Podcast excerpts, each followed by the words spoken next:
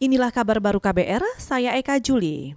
Saudara indeks harga saham gabungan di Bursa Efek Indonesia diperkirakan akan berlanjut melemah usai pidato Gubernur Bank Sentral Amerika Jerome Powell. Dalam pidatonya, Powell memperingatkan pelemahan ekonomi yang lebih dalam akibat COVID-19.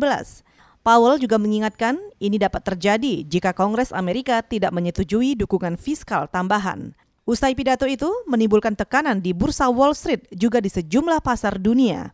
Di Asia misalnya, indeks Nikkei dan Straits Time melemah. Sementara di Bursa Indonesia, pagi tadi dibuka melemah 24,26 poin.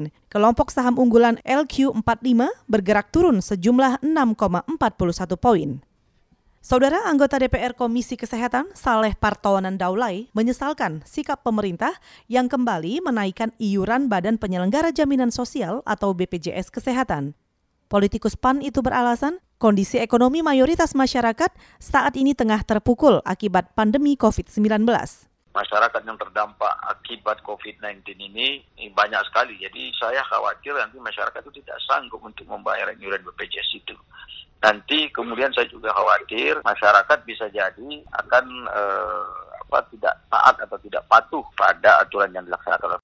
Anggota DPR Komisi Kesehatan Saleh Partowanan Daulay juga menambahkan, pemerintah harus menyadari bahwa kondisi ekonomi masyarakat yang kehilangan pekerjaan atau terkena PHK. Ia juga menyebut kepala keluarga akan sulit membayar iuran BPJS untuk setiap anggota keluarganya karena kepesertaan BPJS untuk perorangan.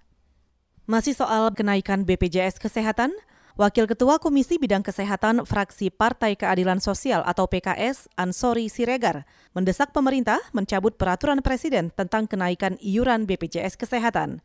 Menurut Ansori, sikap penaikan iuran adalah bentuk ketidaktaatan hukum.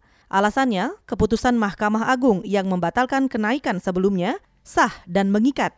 Pemerintah menaikkan kembali iuran BPJS Kesehatan mulai 1 Juli 2020.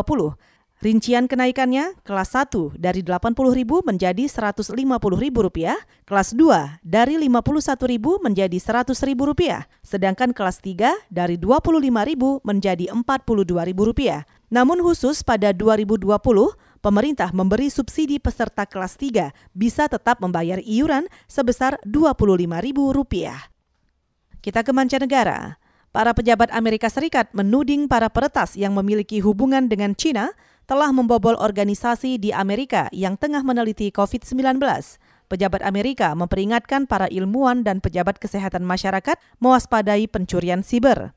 Dugaan pencurian itu saat ini tengah diselidiki Biro Investigasi FBI. Dalam sebuah pernyataan bersama, mereka tidak menyebutkan tentang identitas target atau peretas. Tudingan ini dibantah Kedutaan Besar Cina di Washington. Cina menyebut FBI mengeluarkan peringatan berdasarkan praduga bersalah dan tanpa bukti. Saudara, demikian kabar baru. Saya Eka Juli.